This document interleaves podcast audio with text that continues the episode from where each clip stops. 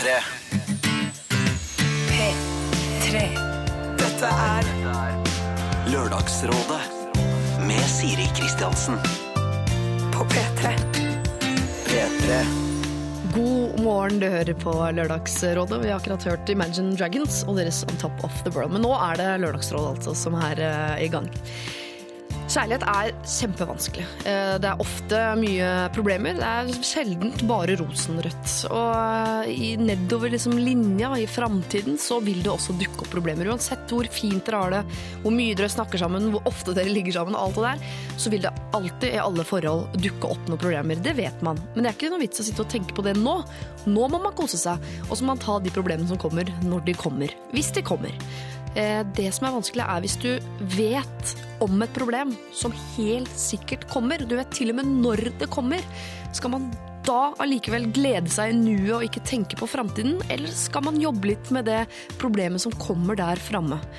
Altså eh, Hvis man har sett inn i en krystallkule og har sett noe fælt som kommer, så er det klart at det er vanskelig å legge det bort. Men jeg har også sett filmer der folk kan endre framtiden, men det er av typen sci-fi, så jeg vet ikke hvor mye lit vi skal legge til det greiene der. Åh, jeg er helt sikker på, hvert fall hvis jeg hadde visst nå at ja, jeg har det fint sammen med min lokfører, men altså 30. juli 2015 eh, så skal han flytte til Mars, og der skal han bo eh, resten av livet. Så hadde jeg ikke helt klart å kose meg der vi er nå, uansett hvor fint det er nå, hvor høyt sola står på himmelen osv. Vi skal inn i en sånn type problematikk om ikke så altfor lenge. Eh, Men først må jo rådgiverne komme, for det første. De har eh, antageligvis akkurat stått opp av sengene sine og er på vei bort hit. Eh, Og så skal vi dessuten innom en som har fått råd før, og høre åssen det har gått. Men nå altså. Eva and Heartmark, dette her er Signals. Lørdagsrådet. På P3. P3. Det var Eva, det, og The Heartmaker sammen om Signals, altså. Eh, For eh, litt siden så hadde vi verdens rikeste land-gutta her som rådgivere i eh, Lørdagsrådet. Og et av problemene de fikk var fra en litt sånn bekymret eh, gutt på 23 som hadde verdens fineste kjæreste. eh, Som var eh, danser, og hun skulle kanskje være med på en eh, forestilling sammen med noe eldre skuespiller, en kjent skuespiller, en med mye innflytelse og makt i bransjen. Og han hadde hatt noen litt sånn eh, grisete tilnærminger til kjæresten hans før, og nå var han bekymret for de skulle på hyttetur sammen. Han var en fyr med posisjon og makt, og hva eh, kunne, han, eh, hva kunne kjæresten finne på å gjøre da eh, i dette møtet med denne mannen? Hun ville opp og fram i bransjen, hun, og var usikker og ung og alt det der. Så han, var med rette litt bekymret for å skulle sitte igjen hjemme og bare vente på at kjæresten var der ute med denne mannen, og ikke sant, videre. Hvis du har litt sjalusi i deg, så skjønner du at dette her var vondt. Nå har vi fått en eh, tilbakemelding eh, fra denne gutten, men eh, før du får høre den, så skal du få høre noen av rådene som ble gitt den gangen. Her må jo mannen bare ta litt ansvar. Altså, her er det viktig å vise at man er alfamel, og så må han, han, han må ta grep. Enten med kjerringa eller med denne eldre mannen.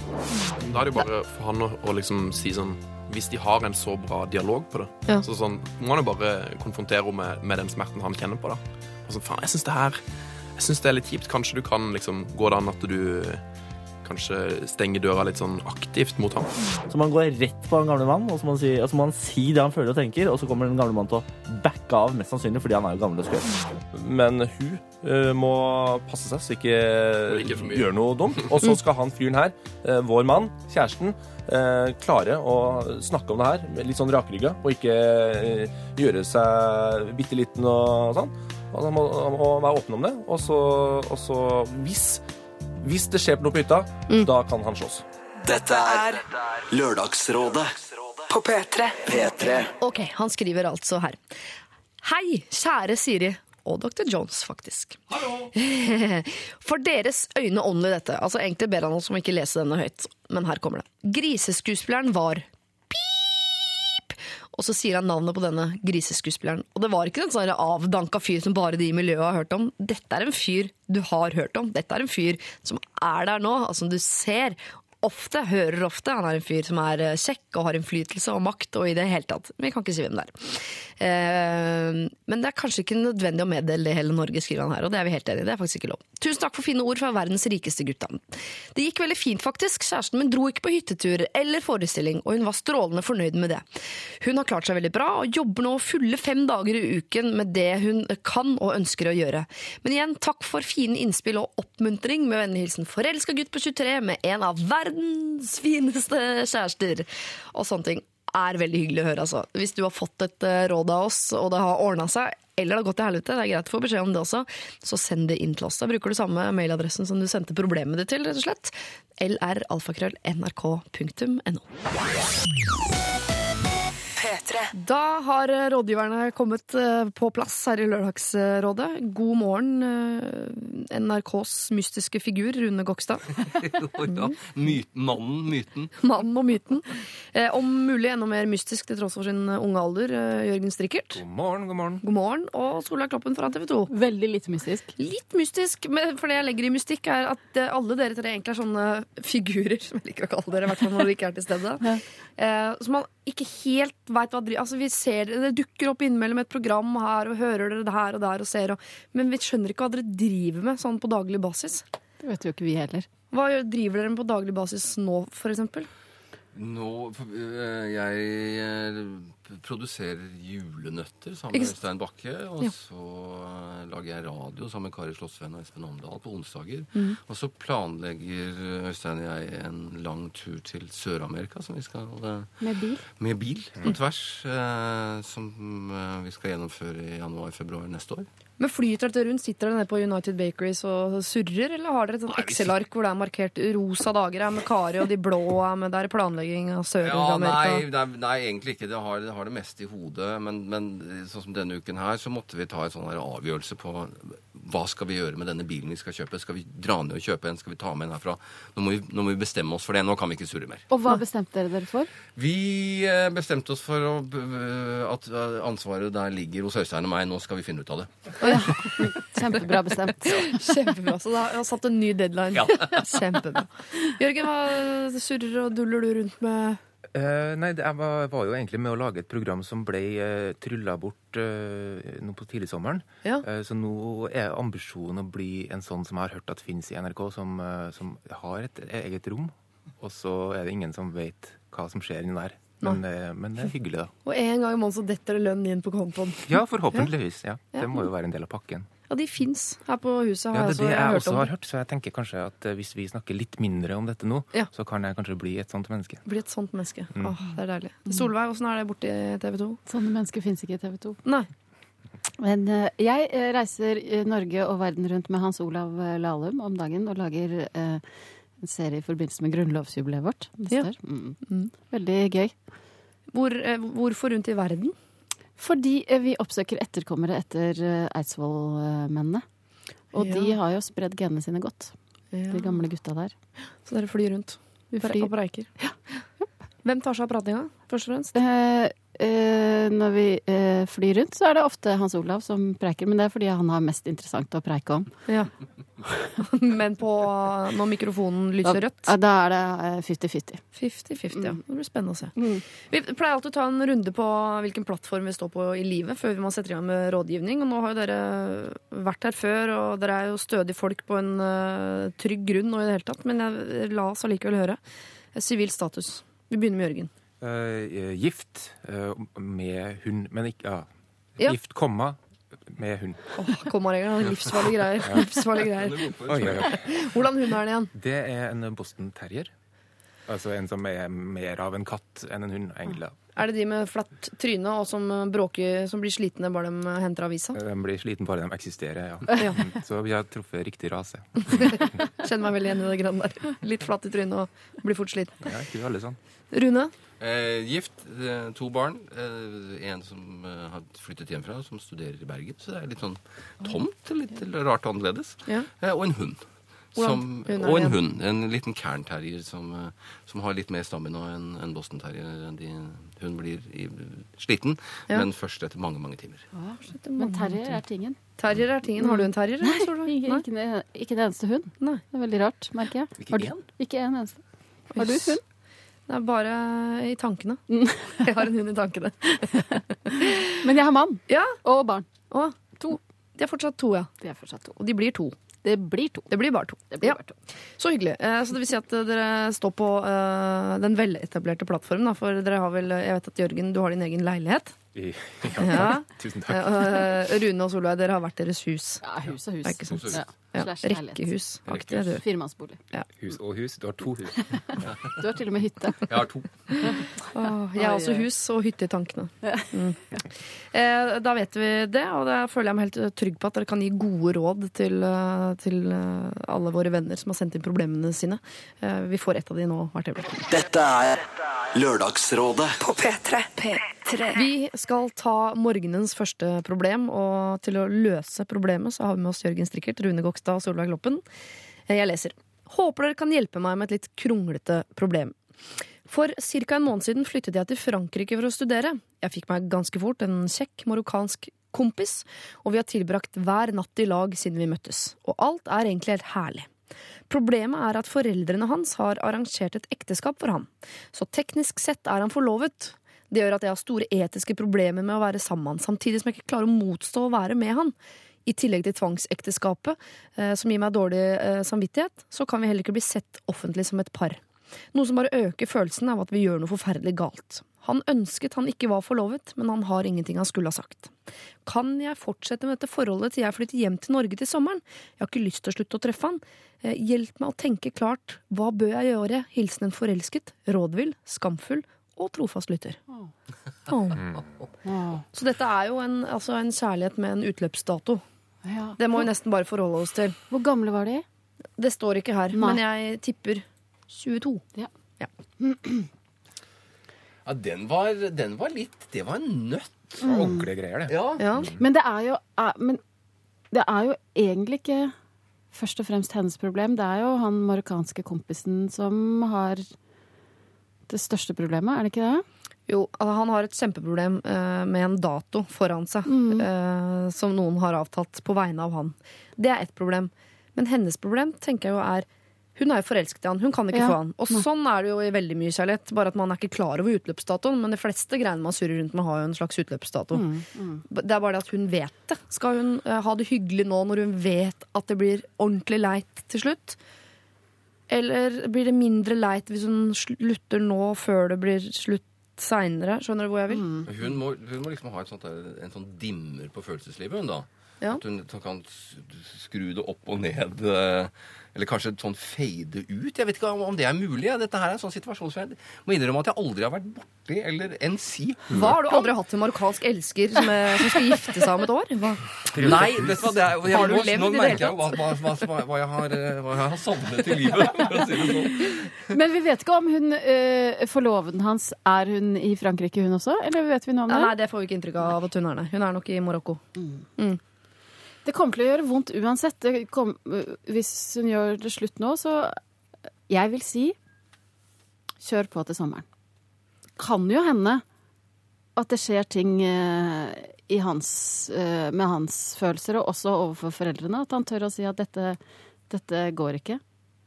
For han vil jo ut av den, Ja, eh, ja, ja. ut av den forlovelsen uansett, egentlig. Han kanskje hun skal bare eh, hjelpe han med det, og kanskje det, det blir lettere for han å rive opp med rota hvis han Det er film, enda mer tid. filmmateriale, romanmateriale, dette her. Om ikke annet så en sånn kiosklitteratur. fordi det er jo, det er jo et et kjærlighetsforhold. De kan jo rømme. Ja. ja. Oh. Framgår det av eh, tekstmeldinga i hvilken grad de elsker hverandre? Og, i, eller, eh, og eller i hvilken grad det kun er et eh, erotisk mellomspill? Eh, Fra hans side vet vi jo ikke, men eh, det hun eh, sier, er at hun klarer ikke å motstå å være sammen med han, samtidig som hun har konstant dårlig samvittighet. Hun er allerede forelsket, så er ikke, forelsket. Hun kan ikke hoppe av nå før hun blir forelsket for å slippe Nei. den vonde. Så det er som du sier, Solveig, på et eller annet tidspunkt så blir det vondt. Men skal han gjøre sånn at det er vondt nå, eller skal han Ja, vente hvorfor, med vondt? hvorfor det? Hvorfor kan ikke man gjø- gjøre sånn som Rune antyder? For det, man kan gjøre opprør mot den eh, Ja. For det finnes jo mennesker som gjør sånn som eh, skjer på film i virkeligheten. Som rømmer eller eh, stikker av gårde og, gjør, og, og drastisk tar, tar et oppgjør med de kjipe omstendighetene sine. Mm. Dette høres ut som en kjip omstendighet. Jeg rømte veldig mange ganger da jeg var liten. Det kjipe var at ingen oppdaget det. Dette er jo en situasjon hvor det vil bli oppdaga. Dette vil bli oppdaget. Ja, ja. men, med min begrensede eh, kjennskap til marokkansk familiekultur, eller struktur og kultur, så, så tror jeg de der familiebåndene er veldig sterke. Jeg tror han blir stående igjen alene på et gatehjørne i, eh, i, i Paris, eller hvor han nå mm. er i Frankrike, og uten familie. Det tror jeg Jeg er usikker på om det er en kostnad han er villig til å ta. Eh, Så, så den, jeg tror den rømmegreia nok mer er, eh, er eh, sånn basert på et, et ønske om at å overføre filmen til et virkelig liv, altså. Men det del. virker jo som om han her, før dette tvangsekteskapet settes ut i livet, så kommer han til å ha A, en kjæreste, og B, en utdannelse. Det er to av de viktigste og fineste tingene. Jeg- Jeg tenker at han kan klare seg uten familien. Da. Det er jo bare, han trenger ikke å rømme, han trenger bare aldri å dra hjem. Han har jo egentlig rømt til Frankrike. Ja, og egentlig så har han jo ikke et forhold til sin forlovede heller. Det er jo ikke før, før de gifter seg, så Nei. Men han bryter jo opp en lang tradisjon, da. Han Ja. Føler, altså, Men det gjør modige mennesker hver eneste dag. Mm. I virkelig, ikke på film, også, men det, hver eneste dag så er det jo ordentlige mennesker som, er, som gjør sånne halsbrekkende, modige, rettferdige ting. ja. Og det kan jo disse, disse menneskene også gjøre. Er det de folka som får samfunnet videre? Er det de du tenker på? Jeg lurer på om det er dem, ja. Det er de, ja. Men, der, men, spørs- det, det, der, derom strides de lærde, da. Men men, men da skal hun jo ha ganske eh, godt tak på ham for å kunne få ham til å bryte ut av det. For jeg har, jeg har følelsen av at hun, hun, hun sitter her med en juvel mellom hendene som hun ikke helt klarer å, å, å holde på hvis, eh, hvis uh, de der kreftene som står bak ham, virkelig settes i sving. Altså, så det, jeg, det Jeg er usikker på det. Jeg, jeg ville gjort sånn Jeg burde brukt plastermetoden, ja, altså. ville du det? Ja. Jeg ville det. Jeg ville revet det av. Oh, ja. Men jeg er usikker på, er det samvittigheten som plager henne mest, eller det at hun tenker at det gjør enda mer vondt eh, i juni? Det er samvittigheten Det er hun eh, trekker fram her, men hun er forelsket og rådfull og skamfull og alt det der. Så altså, jeg, jeg tror nok eh, I bunn og grunn så ønsker hun å ha en eller annen løsning på hvordan hun kan få han eh, på sikt. Den løsningen har vi jo ikke. Og det er mye vi har sagt nå som er liksom råd til han. Eh, bryte ut og gjøre opprør og alle de tingene der. Men hun Han- sitter jo nå på en måte har muligheten til å være sammen med en fyr eh, kanskje et år fram i tid. Og han Og- snakker jo bare fransk, antagelig, så han Ja, skjønner jo ikke hva vi Og vi vet jo kanskje, nå. kanskje forelskelsen forsvinner i det eh, noe av mystikken forsvinner. Nemlig han sier sånn Nei, jeg har avblåst det der eh, tvangsekteskapet. Og så blir det sånn Ja, men da er det jo ikke noe spennende lenger. Det vet vi ikke. Og vi vet heller ikke Ok, de er forelsket, men er de så forelsket at de er villige til å rømme sammen og kutte ut familie? Og, ikke sant? Så er du 22 og så er sånn Ja, nei, det ble litt mye for meg igjen. Men så det er vel jeg- mer ja. nå Hva skal hun gjøre i det året som kommer? Jeg ville beholdt det plasteret på, Ja. og så sett han det bare sklei liksom, sakte, men sikkert av. Det gjør jo ofte plaster. Ja, det gjør det. I hvert fall hvis du bader mye. Det er jo Frankrike. Ja. Nei, jeg ville revet av, eh, fordi hun, hun, hun slites jo allerede nå eh, mellom de positive og negative konsekvensene av at eh, hun har kjæreste med han. Ja. eh, og har dårlig samvittighet. Det det går rundt å ha en kjæreste og skulle ha dårlig samvittighet, og så vet du at det blir bare verre. Det er et sånt litt tynt utgangspunkt, sier jeg. Men trenger hun å ha dårlig samvittighet, egentlig? Hva er det hun gjør som er så gærent? Nei, hun gjør ingenting galt i mine øyne, men, men jeg skjønner jo at det er litt eplekjekt av en tolv år gammel gutt som meg sjøl å si til mennesker at du må rømme, for det har jeg sett på film. Så det var jo å ta i, kanskje, men jeg ville ha tenkt at man, de burde unne seg, eller hun da, burde unne seg en, eh, halv, et halvt års eh, romantisk utredningsfase, eh, hvor eh, man utreder rømning. Eh, ikke si det til noen andre enn dem det angår, da. Og så, driver, og så tenker man kan vi, vi, vi, elsker vi hverandre så himmelropende høyt at vi skal rømme sammen? Ja eller nei? Bruk et halvår å finne ut av det. Ja, For det trenger de jo ikke å vite nå, for det kan jo hende at den kjærligheten blir så sterk at de har ikke noe annet valg enn å stikke av sammen. Ellers kan det hende om et halvt år så har hun eh, falt for eh, Petter fra Østerrike. Altså det, vi, den kjærligheten her er jo ikke egentlig så annerledes enn alt mulig annet. Det er bare at hun tilfeldigvis har fått vite om utløpsdatoen. For det har jo skjedd, altså jeg har ikke opplevd det, men at man har hatt fire intense uker, og så plutselig oppdager man at den andre er skikkelig dust. Det har jo Har jeg I, gjennom Skjedd, historien har det skjedd, ja. ja. Ok, eh, forelskede, rådville, skamfulle og trofaste lytter. Jeg lurer på om du nå i tida som eh, kommer altså Hvis du ikke vil deg selv vondere, så kan du rive av plasteret, som Rune sier. Eller så kan du nå bare behandle det som en hvilken som helst forelskelse. Kos deg i den, se hva som skjer. Bruk den, blir den sterkere, så kanskje dere i enden av det kan ta en vurdering på om dere skal stikke av sammen og bryte opp i familien. sånn. Men akkurat nå så har du jo muligheten til bare å, å være forelsket i han, og du skal ikke ha dårlig samvittighet. For du gjør jo ikke noe som er feil, og egentlig ikke han heller, for han har jo ikke forlovet seg. Det er jo foreldrene som har forlovet seg, og det er ikke de du ligger med. Eller forhåpentligvis. så med andre ord, jeg tror du skal kose deg nå i Frankrike. Hei, Lørdagsrådet, står det her på toppen av en mail vi har uh, fått inn. Og når hun sier hei til Lørdagsrådet, så sier hun i dag hei til Solveig Kloppen, Rune Gokstad og Jørgen Strikkert. Eh, hun skriver Marianne 29 år er dette her. Av celleforandringer har jeg vært hos gynekolog et par ganger i, årene, eh, i året de siste årene. Dette er ikke noe problem i seg selv, da gynekologen er ei fantastisk hyggelig og profesjonell dame. Men dette har jeg ofte tenkt på før mine timer. Bør man freshe seg opp der nede for en time? Jeg er singel og tar av og til full shave, men ofte vokser det egentlig ganske fritt. Er ikke så mye action der uansett, og det blir bare nuppete og det klør. Så altså. Bør jeg ta en full overhaling før jeg har time, eller vil det bare virke påtatt og rart, tror dere? Jeg dusjer selvfølgelig, altså alltid før jeg har time. Med vennlig hilsen Marianne 29. Man har god tid til å tenke seg om. Hva gjør du, Solveig? Jeg skal, jeg skal ikke spørre om det, men jeg har spurt allerede, så hvis du svarer, så må du gjerne gjøre det. Ellers kan du bare gå videre. Jeg velger å ikke svare på det. Men uh, jeg tenker at hun gynekologen vil vel antagelig øh, For det første ser hun alt mulig. Mm. Uh, og hvis det er noen som uh, ikke eh, tar liksom finpussen, Mm. tenker jeg kanskje hun bare setter pris på det. At hun tenker sånn åh, så deilig at folk er så avslappa, gitt. Eh, Tror du ikke det? Eller? Uh, jeg vet ikke, men jeg tror Jeg ikke tror hun skal ikke blir støtt av at eh, at man ikke At hun ikke har pyntet seg nedentil. Nei. Nei. Men jeg tror heller ikke at hun vil synes det er rart eh, hvis hun har gjort for- Å, har du pynta det for meg? Hun vet ikke hva du skal etter gynekologen. Nei. Det er ikke sånn at uka slutter. Altså, skal Det kan man jo videre da, til, noe, til noen andre som skal se på henne nedentil? Ja, men det, for Av og til så kan det være fint med en sånn der, en pen jakke og olabukser. Det, jeg, er ikke noe tilhenger av det selv, men man, kan ha en, man må jo ikke gå i dress Dette er hele Det er metaforer. Ja, det er metaforene, altså. Ja, ja. Ja. Altså, Eh, du kjører blazer og jeans nedentil, tenker er du? sant, det er noen som gjør det, og det er jo litt sånn pyntet et par pene sko, så kan man Så det er liksom ikke full dress. Så jeg bare tenker at hun kanskje kunne Altså, Stusse altså, venstresida? Ja, ja, ja, men altså, ja. Nei, ikke bare stusse ene siden, ja. Nei, eller kanskje være litt morsom. Lage en bart. Ja. Altså, det, det, altså det, er, det er mye, mye du uh, kunne gjøre hvis hun først Mm, mm, er, er liksom sånn på Skulle bjuda på litt, Ja. tenker jeg. Men skal, altså, skal man bjuda på hos gynekologen? Mer enn sånn medisinsk bjuda Ja. Sånn at det kan oppfattes som en invitt. Ja. Det kan være livsfarlig. Man vet jo ingenting om gynekologen. Selv om hun er hyggelig og profesjonell, så kan hun også være gæren, Oi, gammel, ja. lesbisk og sprengkåt. Det aner vi jo ikke. Men hva hvis vi Glem, altså, glem det der med gynekolog, hvis det er mulig et lite øyeblikk. Eh, vasker man håret før man går til frisøren, f.eks.? Nei, for det sitter ikke de pris på. For Nei. de skal jo vaske det etter hvert. Først skal jo, de blir veldig irriterte, hvis, i hvert fall hvis man kommer med vått hår, for da må de føne det før de Kan vaske det. kan vaske det.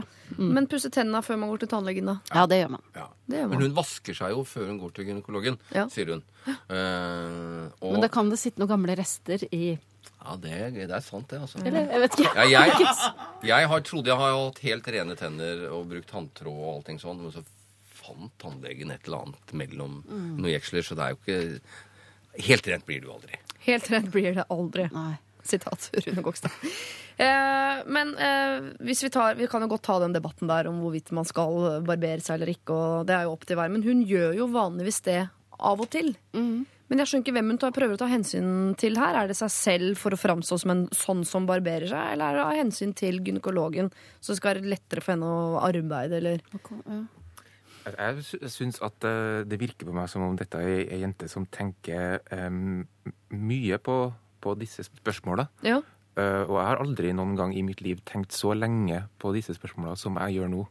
Og det føles nok. Så derfor syns du det er rart at det er du som skal gi rådene, når du har tenkt så mye mindre enn henne? Eh, Nei, det, det er nå én ting at jeg har ingenting jeg skal men, men jeg tenker at det virker som hun tenker nok på disse tinga som det er. Ja. Ferdig, ferdig nå. Da klarer klare seg. Det går nok veldig bra. Ja, eh, Så hun skal slutte å tenke på det og bare Mm. ta det som en tilfelle. Hvis hun er barbert den dagen, så er hun det, og hvis ikke, så er hun ikke det. Ja. Dette er et, allerede et tema som er uttenkt. For jeg tror ikke at dette opptar gynekologen i nevneverdig grad. Nå har jeg jo svært, jeg har hatt svært begrenset omgang med gynekologer. Det er mulig at jeg har vært i samme rom som en uten å vite det. Ja. Men jeg har jo aldri vært eh, greit til stede under en sånn, undersøkelse. Uh, så jeg, jeg tror ikke at gynekologer som sådan er så opptatt av det. Jeg tror de har fokus et annet sted. Jeg tror hun og gynekologen har fokus på forskjellige steder. Altså, ja, det, jo, De for så vidt så ser de samme stedet. Ja, det har Ja. de. Men, de. men de tenker på forskjellige ting. Ja, det kan Ja. tenkes.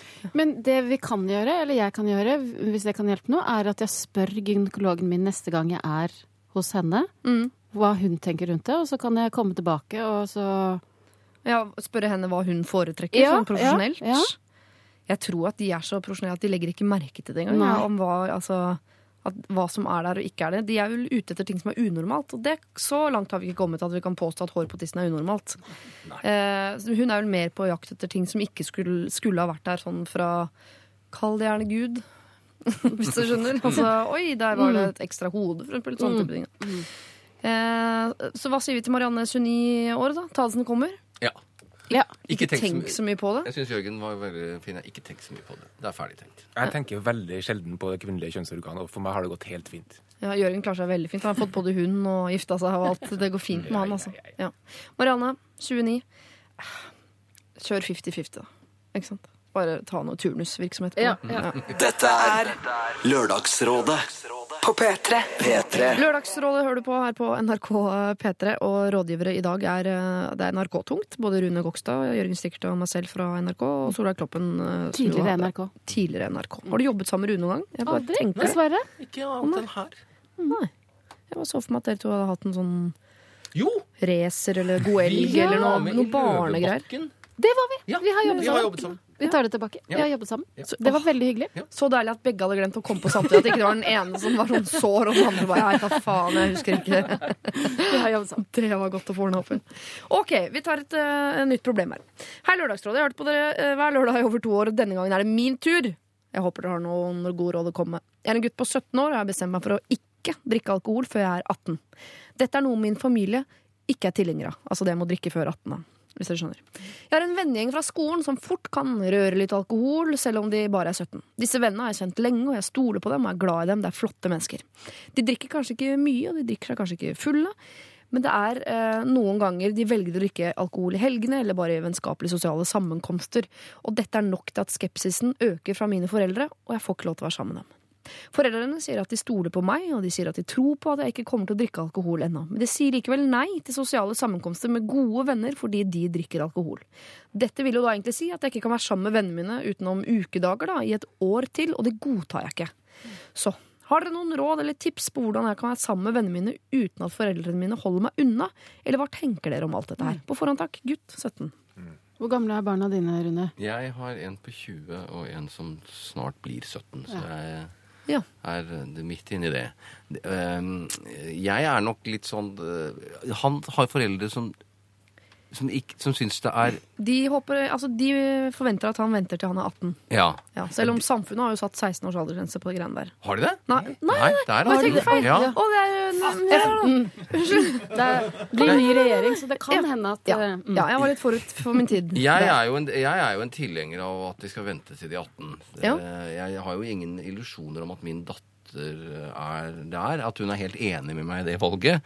Eh, og så, får jeg bare, eh, så prøver jeg jo å si til henne at eh, jeg foretrekker jo at du ikke gjør det. Men jeg, men jeg kan jo ikke binde henne fast i sengen heller, ikke sant? Nei. Så, og så får jeg bare eh, håpe at hun, at hun ikke drikker så mye at hun ødelegger seg. Mm. Men, men jeg er jo for så vidt tilhenger av at, vi, at sånn, det, er, det, er en, det er en aldersgrense på 18 år. Og, og det gjelder bil også. Du har ikke lov å kjøre bil før du er 18. Hæ? Nei da. Moped fra du var 16 og bil når du var 18. Og jeg tenker på det der, men, men eh, det er veldig mange som har et veldig sånn uh, avslappet forhold til, til dette her med alkohol. Det er det fra de er 16-17. Det er liksom ikke, det går ikke an, vi kan ikke gjøre noe med det. Men hvis vedkommende hadde drevet og kjørt rundt i bil, så hadde det vel, var det vel noen som hadde uh, satt ned foten. Men akkurat dette her med, med alkohol, der har liksom, der har, tror jeg foreldregenerasjonene bare gitt opp. det sånn, så, øh, men ut av alt det jeg nå sa, har det jo ikke kommet noe sånn fornuftig i retning av å skulle guide det- denne mannen. Du vet masse om deg som far. Ja, Sånn er det ofte når voksne snakker. Synes jeg. Men hva, eh, altså, Foreldrene har jo sitt på det tørre, og det har jo absolutt han også. Han De har ikke sitt på det tørre. Nei. Jeg tenker De har ikke sitt på det tørre. For jeg er helt enig. For jeg har snakket med noen rusforskere om dette her med eh, barn, ungdom og drikking, og de sier det samme som Rune. Man, må, man skal ikke tolerere at eh, Hjemme må man si at det er ikke lov til å drikke før du er 18.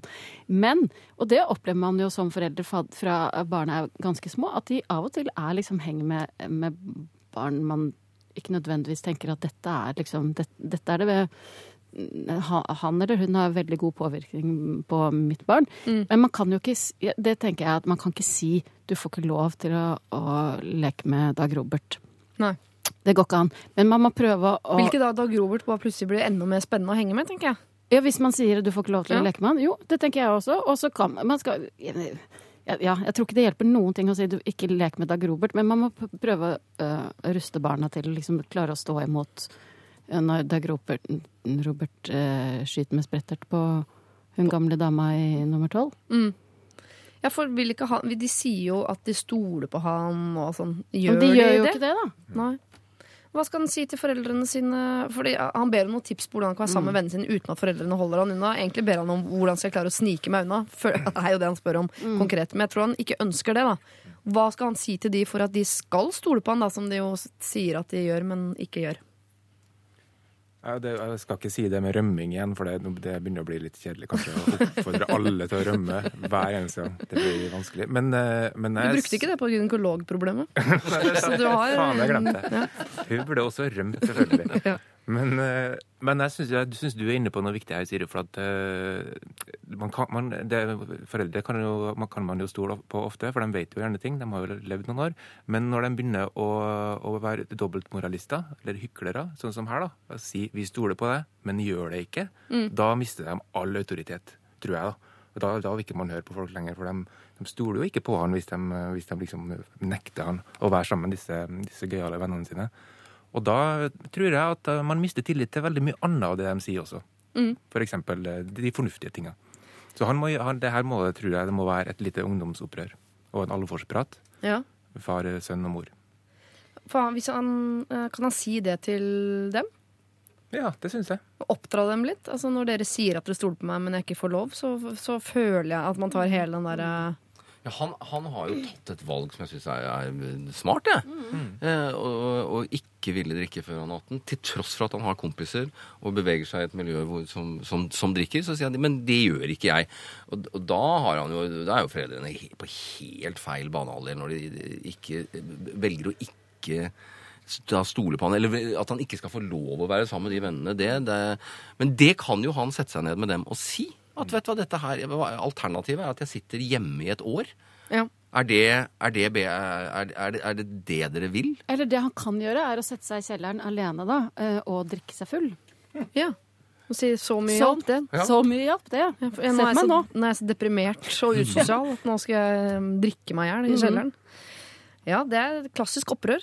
Men hvor uh... Det er ganske retningsløst opprør. da. Jeg tror jeg ville heller eh, ville snakka, ville snakka, og kanskje hardt, og slått i bordet. tror jeg. Men kan vi gi han vår velsignelse på at altså Dersom han ikke klarer å nå fram til foreldrene sine, så har han nå et år med litt, sånn- som ser litt vanskelig ut. Fordi det virker som om når han er 18, så er det helt greit. Fordi det er jo, da syns foreldrene at det er helt greit. Da har de ikke noe som skal sagt. Eh, men hvis han ikke får de til å høre da, dette året her, han, kan vi si at det er greit at han bare går litt bak ryggen på foreldrene sine? Vanskelig for deg å si ja på det, Rune. Det skjønner jeg, men Men det er eh, Ja, jeg tror vel nesten at han skal Jeg syns han kan være ærlig. Jeg, jeg skal ut med disse kompisene, og så hvis, hvis, hvis dette her er så viktig for dere, Mm. ja, da må dere altså nå, Da må dere skifte lås på døren eller et eller annet sånt. Men dere, Ja. dere, dere, jeg skri, skri, dere støter meg bort hvis dere fortsetter sånn. Mm. Fordi det betyr at jeg, at jeg har tatt et valg. Og dere Den derre mangelen på tillit Mm. er, eh, er en utfordring for meg. ja. Kan han si. Jeg syns han skal være sammen med disse kompisene sine og gjennomføre dette prosjektet frem til han er 18. Og så får han heller ta eh, den fighten. Men han virker jo som han er en fyr med, med, som er rak i ryggen. ja. Så han, han bør kunne snakke ordentlig med sine foreldre. Han er jo en, fyr med, som har gjort seg noen tanker. Altså. Ja. Så Han er litt smartere enn foreldrene sine. åpenbart. Det har vi alle. Neida. Gutt 17, jeg tror du, du må ta en sånn skikkelig prat med foreldrene. Nå må si de tingene og sånn. Nå må dere vise tillit og ikke bare si at dere stoler på meg. Og uh, hvis dere låser meg inne, som er alternativ B her, så, så støter dere meg faktisk fra dere. Fordi uh, blæ, blæ, blæ. Og hvis ikke det funker, eh, så kan du enten gå bak ryggen på dem. Det er det i hvert fall min velsignelse til å gjøre. Det mener jeg er en del av oppveksten. Og Rune også, han har en datter på 17. Som går bak ryggen hans hele tiden. Eh, ja, går- det- hun gjør det as we speak, antagelig. Men eh, du kan også si fra at nå eh, Altså, nå går jeg bak ryggen på dere, folkens. At, altså, dere sier 'bli hjemme'.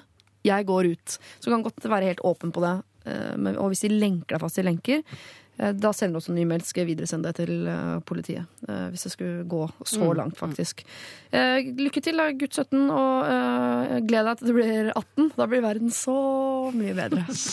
Lørdagsrådet med Siri Kristiansen. På P3. P3. Lørdagsrådet hører du på her på NRK eh, P3, og eh, vi velger å dele morgenen vår i dag med Jørgen Strikkert. Eh, Er du fortsatt våken? Ja da. Så deilig. Har du fått dine ti kopper med kaffe, som jeg vet du liker godt? Det må være minst såpass. Ja. Men da hjelper det. Jeg vet ikke om noen som drikker så mye kaffe som Jørgen Strikkert. Åssen er det med deg, Rune? Du er på te. Jeg er på te. Jeg hadde et par kaffekopper da jeg kom, men ja. jeg ble så sur i magen, så nå har jeg gått over på te. Blir du sur i magen av kaffe? Ja, jeg drakk litt før jeg gikk hjemmefra, og så et par kopper her. Det holdt, det, altså. Nå holder det. Du, Jeg vet om- Solveig, er du en stordranker? Eh. Nei, men jeg vet om en som drikker mer kaffe enn Jørgen Strikkert. Det er Erik Solheim. Jeg har nettopp vært og besøkt han i Paris. Han Ja. drikker kaffe som om det var vann.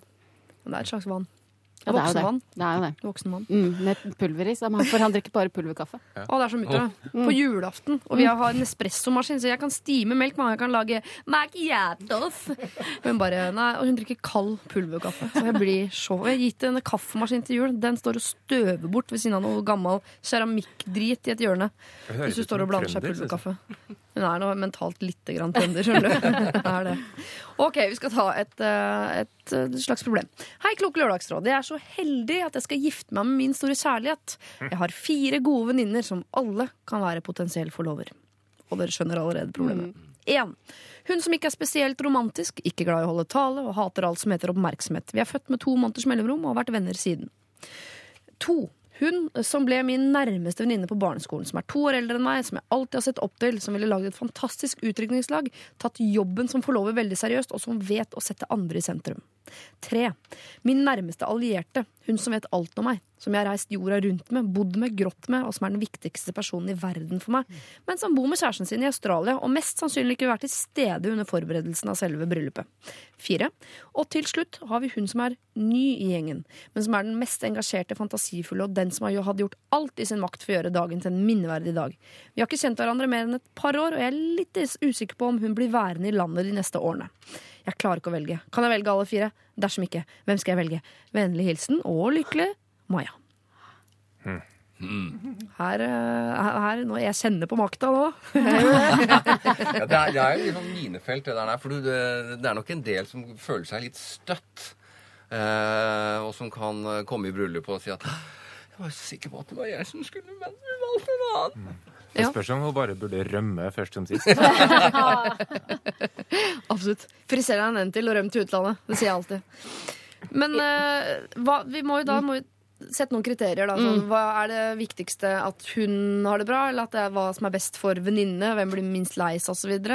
Hvem du er mest glad i, eller hvem som lager den morsomste festen, eller den beste talen? Eller hva er det som er, liksom, hvordan valgte du forlover, eh, Jørgen?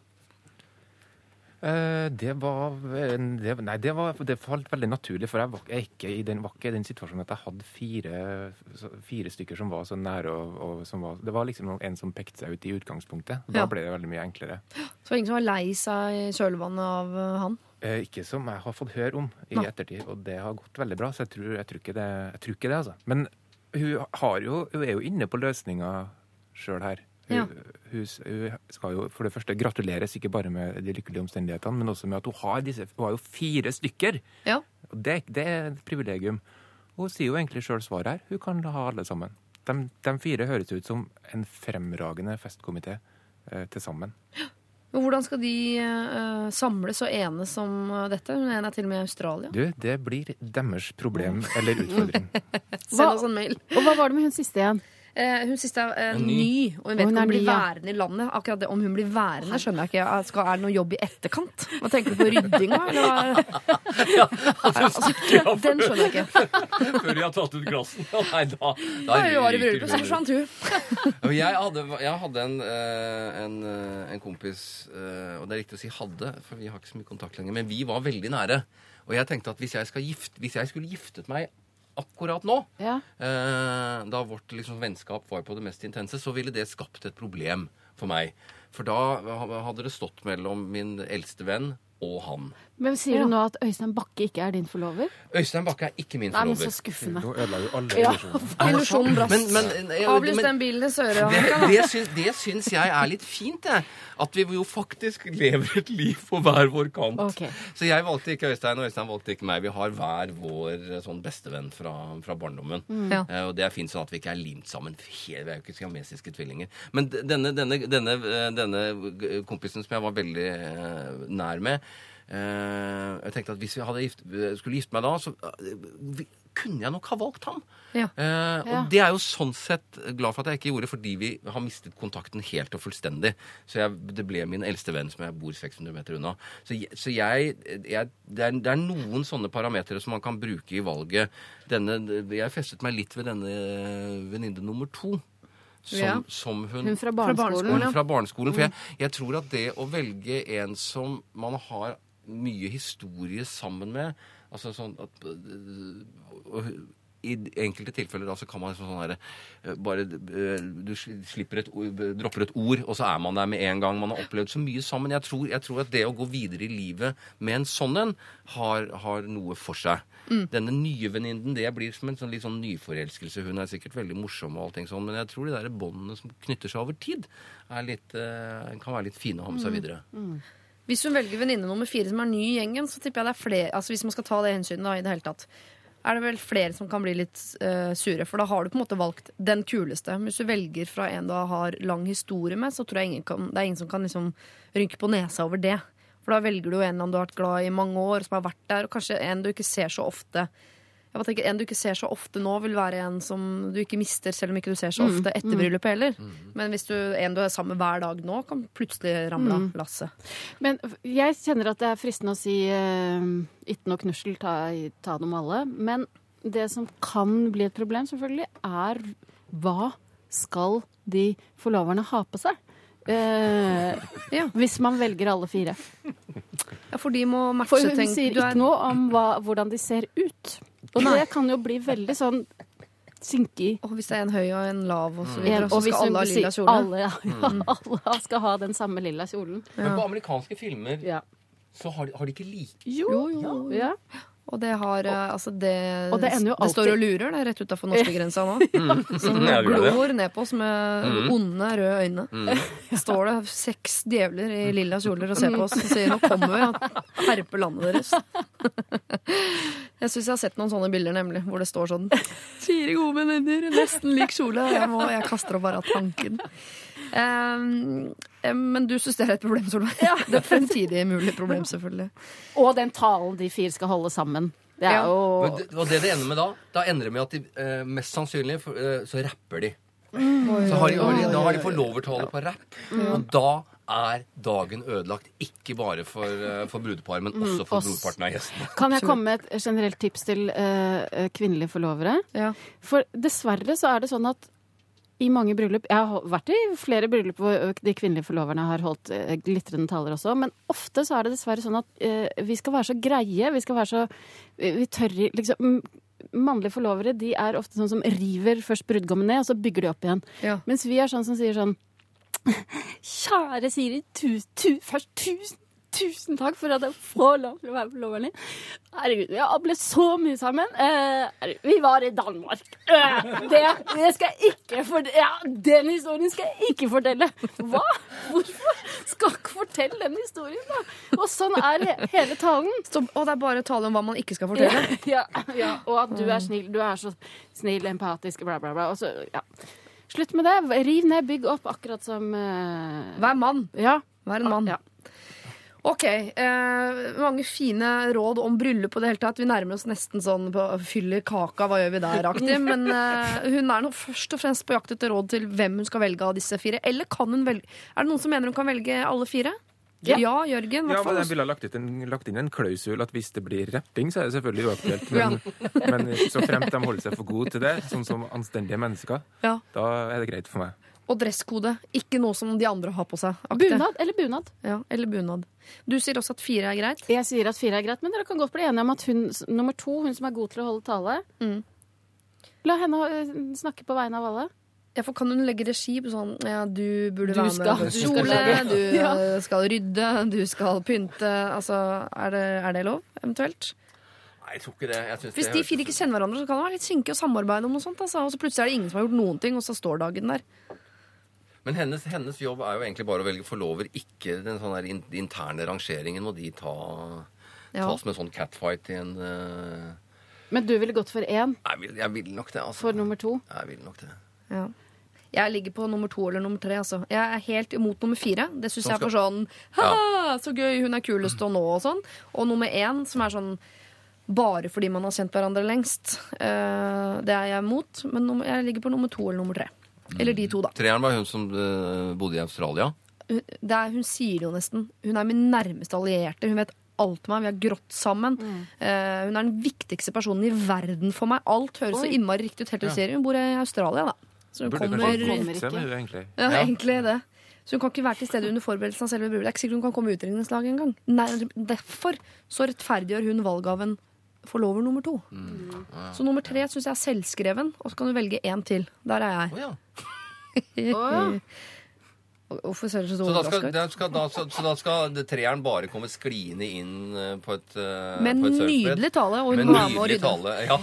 Nei, men du, Hvor mange jeg må til før det blir rapping? Er det, er, blir det bare fire, eller hvis det holder med tre, begynner de automatisk å rappe Tre kan også er- rappe. Kan de? Ja. Husker du Salt and Pepper? For, oi, oi, men du, jeg tenker at enten så er det én eller alle fire. Man kan ikke begynne hvis man Men de fire vet ikke om de andre tre. Det er ikke noe sånn Jo, jo, jo, de vet om hverandre. Ja. Og med en gang, med en gang det blir én til, Ja. ikke sant? da tenker nummer fire Å, ja, så hun har, gikk på flere, ja. Ja, Men men ikke meg. Jeg var ikke en av dem. Nei. Jeg er, ikke jeg er ikke nummer én. Det visste jeg for så vidt, men jeg er ikke Mm, er ikke nummer to heller.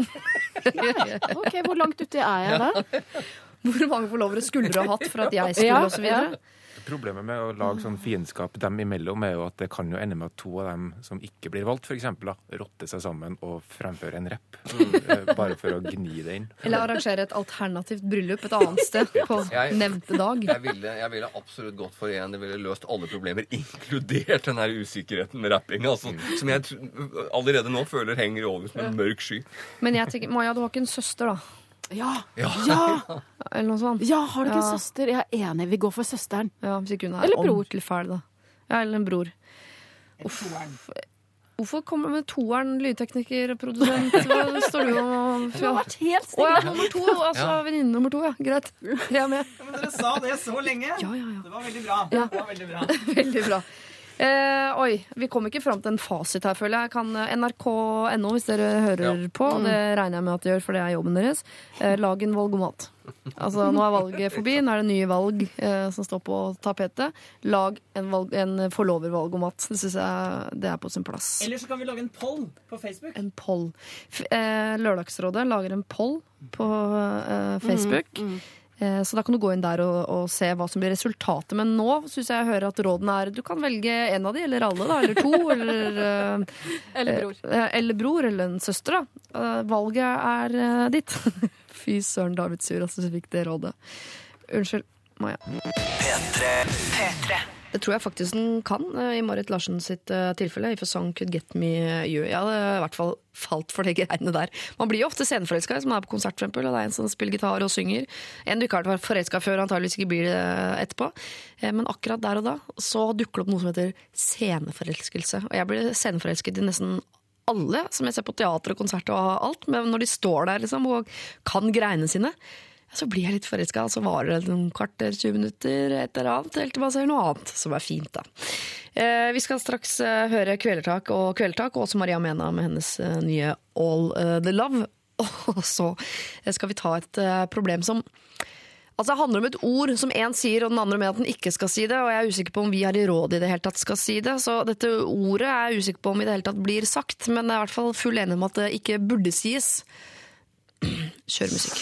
Lørdagsrådet på P3. P3. Vi har uh, akkurat eh, klart mesterstykket å ikke gi et godt råd til hun som er usikker på om hun uh, hvilke av forloverne hun skal velge. Hun skal velge fire eller to eller tre eller én eller videre, og vi kom ikke til bunns i det. Men vi prøver oss igjen på et noe kortere problem. Uh, Solveig Kloppen, Rune Gokstad og Jørgen Strikkert. Jeg leser. Jeg er samboer med en mann som mener det er ok å si N-ordet. Dette syns jeg er fryktelig kjipt, for jeg elsker mannen og hater når noen bruker N-ordet. Hvorfor støter folk når man kan la være? Uansett, kjære lørdagsråd, hva skal jeg si for å få han til å skjønne at han ikke kan bruke det ordet? PS, vi er begge 22 år, hilsen meg. Er det N-ordet? Er jeg nødt til å si hva N-ordet er? Det rimer på beger. Ja. Ok. Ja. Hvordan skal få Hun er imot å si eh, beger. Han velger å si Er det, er, beger. er det faktisk ikke lov å si det ordet som en illustrasjon på at det, at det er det vi snakker om en gang? Må man si beger? Jeg vet jeg ikke satt meg så inn i regelverket på det. Og det er jo rart at det er jeg som skal velge å si beger, fordi jeg beklager på vegne av samfunn og familie. Jeg, jeg kan bruke det ordet noen ganger. Det hender. Bruker det ikke som skjellsord. Å nei, nei, nei, så langt derifra. Jeg har da vært i Sør-Afrika, jeg. Og kunne ikke falle meg inn og bruke det som noe annet enn utelukkende positivt. Men det er jo ikke meg det handler om. Det handler om at eh, begerne liker ikke å bli kalt for beger. Så skal vi slutte med det, da. Hva syns dere? er- det, det, jeg opplevde det som veldig rart. Eh, fordi jeg har jo vokst opp med, med begeret. Ja. Um, og så plutselig så, så snur det, og så blir det så negativt. ja. Eh, og jeg, eh, og, jeg, jeg kan jo forstå at, at, en, at de opplever at det der ikke har noe, noe positivt ved seg. Men, men plutselig så forsvant det et ord som var ganske beskrivende eh, fra, eh, fra, fra ordboken. Og så ble det så plutselig så veldig negativt. Det, det tror jeg tok, tok det 14 dager eller en uke, så var det, var det ordet ute. Det gikk veldig, veldig fort. Ja. Men eh, det fins jo andre ord man kan bruke. Det er ikke mangel på ord heller, men jeg, kan, jeg forsvarer liksom Jeg klikker ikke på eh, hvis bestemor hadde brukt ordet. Så tenker jeg sånn, Det er for seint å få henne til å bytte. Hun får bare holde på og gå i graven med det ordet der. Men hvis jeg møter folk på min egen alder som bruker det, så syns jeg det skal være lov å liksom sette ned foten. Ja, for jeg tenker at for dem det gjelder, så har det kanskje øh, virka krenkende og støtende over lengre tid, men så tok det kanskje bare 14 dager fra den ene turte å heve stemmen og si at unnskyld, jeg syns ikke det er noe ålreit, til andre også. Ikke sant? Så er det flere som kommer med i det koret, eller? Jeg vet ikke. Antageligvis. For det har vel aldri vært et positivt altså det, I Nei. utgangspunktet så er det jo ikke et positivt ord. Nei, og jeg tenker når noen eh, føler eh, seg krenka eller støtt, så kan man slutte med det. Ja. Jeg er hjertens enig i det, men det som bare er litt sånn rart med det, er at det får også sånne konsekvenser som at, eh, at vi sitter og diskuterer et fenomen og er nødt til å si beger. Og det syns jeg bare er litt sånn tøysete. Det er litt sånn underlig, for vi, vi snakker jo om et, et ord, og det Eller at Astrid Lind, de må inn og, og redigere Astrid Lindgren. Mhm. Ja, Han får jo, har jo fått endret yrkestittel, faren Ja. til Pippi Mm. Ja. Så det er veldig fint, for det viser jo at verden går fremover, og at uh, man, man i større grad er interessert i å ta hensyn til hverandre i måten man snakker på. Men det får jo, eh, altså den baksiden av det er at det får noen tøysete og komiske uh, konsekvenser, som at vi sitter på riksdekkende radio og sier beger, når alle vet at det ikke er det vi mener. Absolutt ikke. Men eh, eh, vi er helt enige om at det er et ord som i utgangspunktet er negativt. Og vi har blitt bedt om å slutte å bruke det av de det gjelder. Og sånn sett så er jeg helt enig. Da kan vi ta det hensynet, og så slutter vi med det. Og så er det ikke alle som klarer å slutte med det. Blant annet da denne gutten 22, kjæreste med en jente 22, som har klart det, da. Og hvordan skal hun få han til å, å, å slutte, uansett om han ikke mener det stygt eller hva. Altså, Da må hun finne hans svake punkt. da. Hva blir hans støtte? Krølltopp. Kall han krølltopp en uke. Ja. Se om han Pizzafjes, mm -hmm. brilleslangeaktig. mm. Skal, ja, Jeg tror litt av problemet med sånne ting, sånn brilleslange og pizzafjes og sånn, er at de ikke kommer med fullt den samme historiske ballasten som beger, da. At, eh, og derfor så blir det litt veikere. Så Ja. jeg ville å, jeg ville ha prøvd å appellere til hans eh, rasjonalitet og fornuft og følelser, hvis det, han har det, da. Og Ja. det får man jo gå ut ifra. Uansett er jo bare 22 år, så han har jo god tid på å lære seg, lære seg disse tingene. Ja, man har så god tid på at det skal bli, sitte fast så i vok vokabulæret hans at han ikke kommer seg ut av det igjen. Altså aka bestemor, på en måte. Men er hun redd for at han er rasist, er det det, eller? For det regner jeg med at han ikke er. Fordi jeg, jeg tror ikke Jente 22 her kunne vært sammen med en som var rasist. Nei. Jeg tror han, han, han, han bruker det øh, fordi få andre gjør det. At han på et eller annet vis skal klynge seg og gjøre seg litt interessant og se hva jeg tør. Jeg tør- å bruke det ordet der fremdeles, til tross for at Mm. Ja, for det er jo rart at han insisterer Ja, ja. på Ja, og, men, og liksom, Man har jo sluttet å si mongoloide. Nå, nå heter det Downs syndrom. Man har jo sluttet å si man, De sluttet jo fort å si sigøynere og begynte å si romfolk. Altså det er jo, den, den der overgangen er jo eh, grei. Kanskje smertefull for noen. For, eh, men, det, men og han her, det går an for han å, å ta seg sammen også. Eh, etter hvert, eh, om en stund, så kommer han til å være sørgelig alene om det. Fordi, fordi ordet er, er, er i ferd med å forsvinne helt. Rett og slett, altså. Men hvis hun arresterer han Jeg regner ikke Ja. med et ord han bruker veldig ofte, for det er begrensa hvor mange settinger det er aktuelt. Men hvis hun arresterer han hver gang, hva tror dere er resultatet? At han da til slutt er lei, eh, blir lei og slutter, eller går han i vranglås og sier det mer? Han høres ut som en fyr som kanskje da går i vranglås og bare sier det mer. Ja. At det blir Det er jo Tourettes-aktig. urovekkende, da. Ja. Hun kan, jeg, har, jeg har brukt en teknikk. Jeg har uh, to gode venner som eh, Jeg skal ikke si de har en uvane, men når eh, Hva heter de? eh, Nei, det vil jeg ikke si. Solveig ville sagt det nemlig. Hun Ja, okay. utleverer vennen sin alltid er og de sier fordi. Fordi. Ja, vi kommer Vi skal uh, ikke utover. Eller vi skal gjøre sånn og sånn. Fordi. Å, de, ha, ja, de er som barn. Ja, og, jeg, og, og det, det, det irriterer meg. Så jeg sier, vet du hva, jeg svarer ikke på fordi-spørsmål. Nei. Uh, sier jeg. Og, så gjør jeg, og det gjør jeg ikke. Nei, aldri. Og så må de omfrasere. Hva, hva er årsaken? Hvorfor skal dere ikke? Det kan jeg godt svare på, men fordi svarer jeg altså ikke på. Fordi Ikke sant? Og det, hun kan løse det sånn. Hver gang han bruker det ordet, Mm. så, så, så faller hun ut av, kan hun falle ut av samtalen. Ja. Og- Men jeg, men jeg spurte henne, jeg sa jo et eller annet, sier, hun, eh, sier han. Ja, men du brukte, du brukte N-ordet, og jeg, for, jeg fortsetter ikke samtaler når du bruker det. Da går jeg og gjør noe annet. Mm. Da river jeg ned tapet eller et eller annet. Men Oi, jeg, såpass, ja. Ja. Da river jeg nei, tapet. ikke, nei, nei, men da går, jeg, da går jeg og pusser opp soverommet. Ja, ja. Men du har aldri på, svart på for de spørsmål? Jo, jeg gjorde det en stund, Ja. eh, og så gikk jeg lei. Ja. eh, Og så tok jeg et oppgjør med det, og så ble det bedring, altså. Ja, for du tenker at du ikke trenger å begrunne alt du Ja, gjør? for det første trenger jeg ikke å begrunne, og den derre fordi Altså bare den derre Fordi. Ja. Fordi. Den, jeg liker ikke klangen. Mm. Klangen? Hvor gamle er disse vennene dine? Disse er i slutten av 40-årene. Oi, Ja. det er urovekkende. ja. Nei da, men de er, det er verdens skjønneste mennesker, og de har tatt til fornuften. Og det tror jeg denne 22-åringen også gjør, hvis hun bare eh, Gir han strømhalsbånd? Ja. Og det svar, eh, eh, deltar ikke i samtaler som inneholder N-ordet. Men ofte er jo belønning bedre enn straff. Kan hun heller gi han en liten uh, hundesex hver gang han ikke sier det? Ja, så er det så vanskelig å vite altså, hadde, Ville han ha sagt til denne altså, Ja. Når ville det vært naturlig å si det? Jeg klamrer meg til noen ordentlig dårlige halmstrå her nå, merker jeg.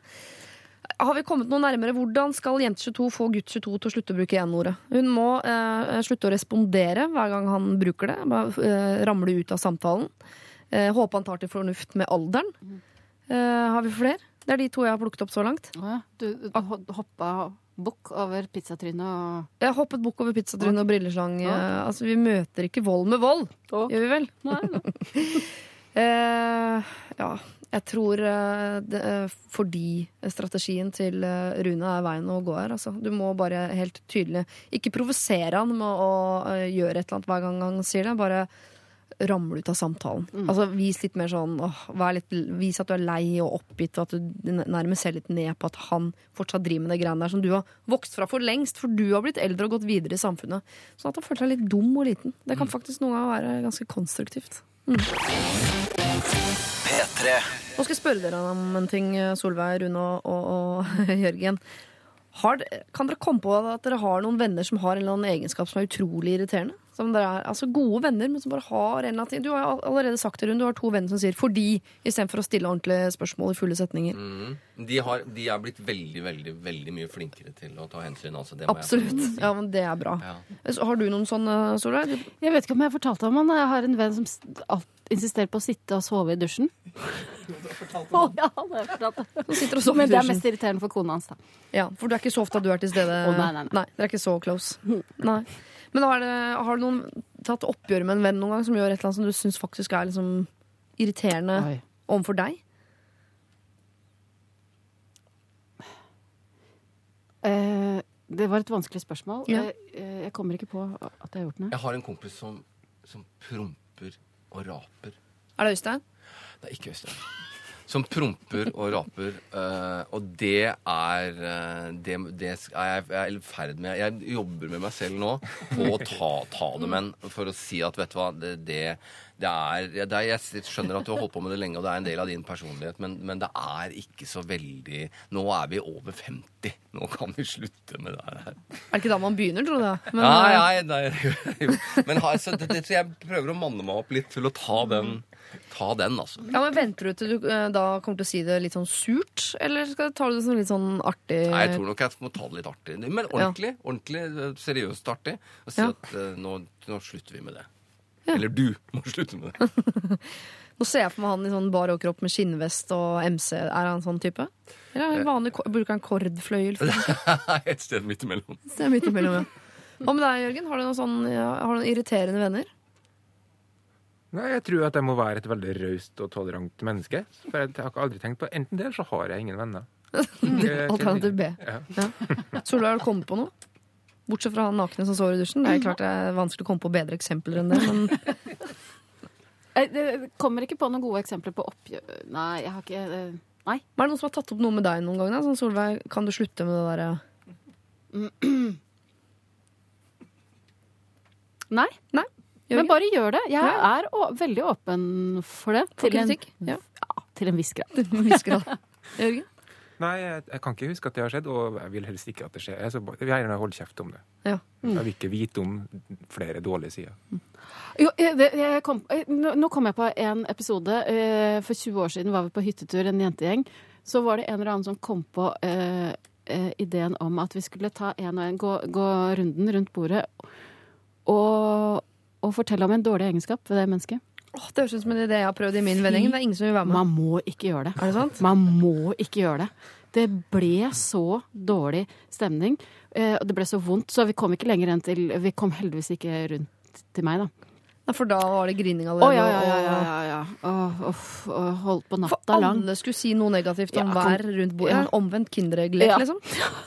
Hvis kinderegglek, eh, nei. Det er det omvendte, hvor alle man sitter rundt et bord, og så skal eh, alle rundt bordet si noe positivt om ett og ett menneske. Og det mennesket som da får alt det positive, får et kinderegg fordi det er så flaut at man må bygge samtidig for å slippe å få se folk i øynene. Og så får man komplimenter alle rundt bordet, og så er det nestemann. Oh, men det er jo en kjempelek. Ja, det er sånn man bør holde på. Men jeg har nemlig foreslått at vi skal gjøre det motsatt. For jeg er så nysgjerrig på eh, jeg er så nysgjerrig på hva vennene mine sier negativt om meg når jeg ikke er til stede. Mm. For helt, det liker jeg at de gjør, og det er jeg helt for. Å bare baksnakke meg det er kjempetopp. Det liker jeg godt.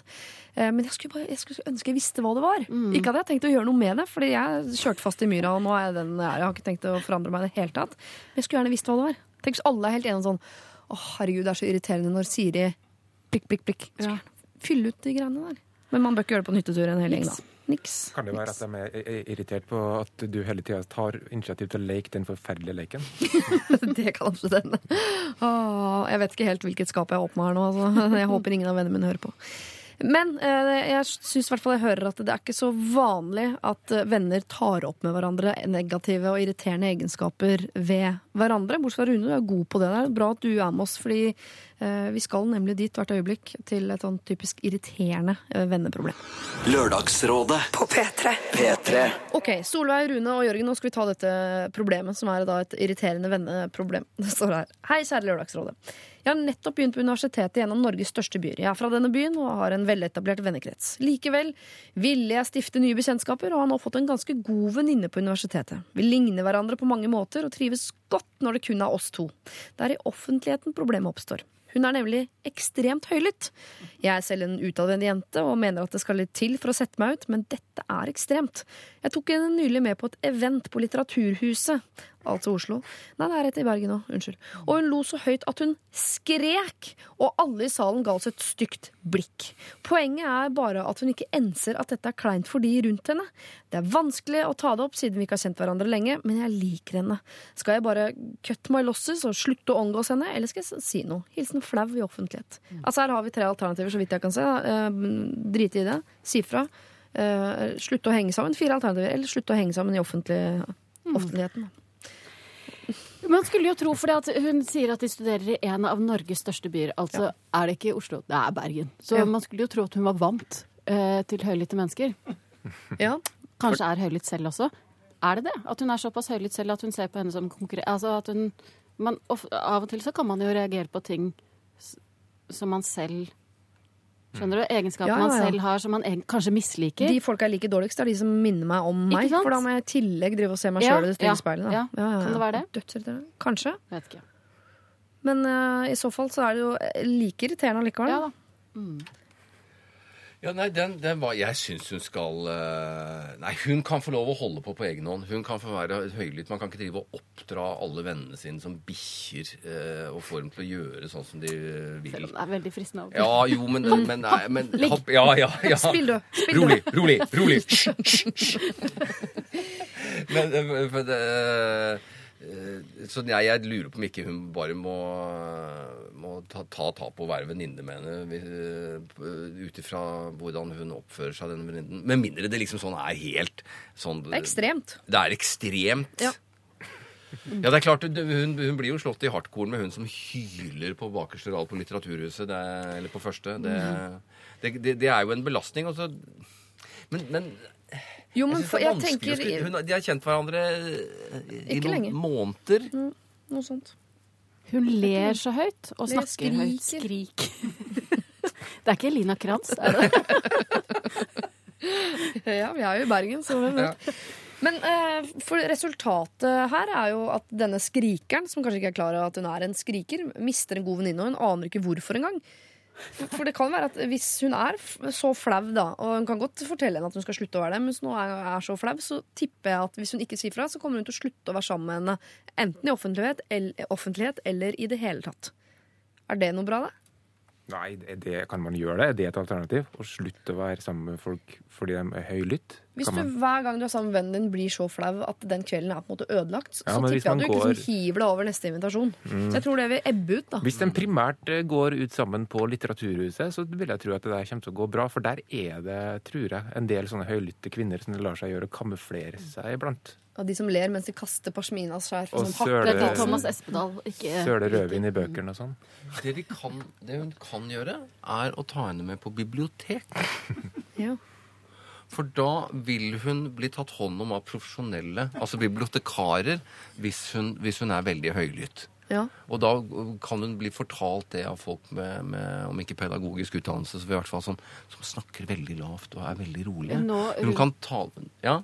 Eller på stillevogn på NSB. Men du, for det at nå kommer bibli- bibliotekarene til å bli veldig eh, sinna på deg, Rune. For det er ikke sånn på bibliotek lenger at man er stille. Det er et veldig dynamisk, levende sted. okay. Hvor man snakker, diskuterer. Det er ikke sånn at man går rundt i filttøfler. Ok.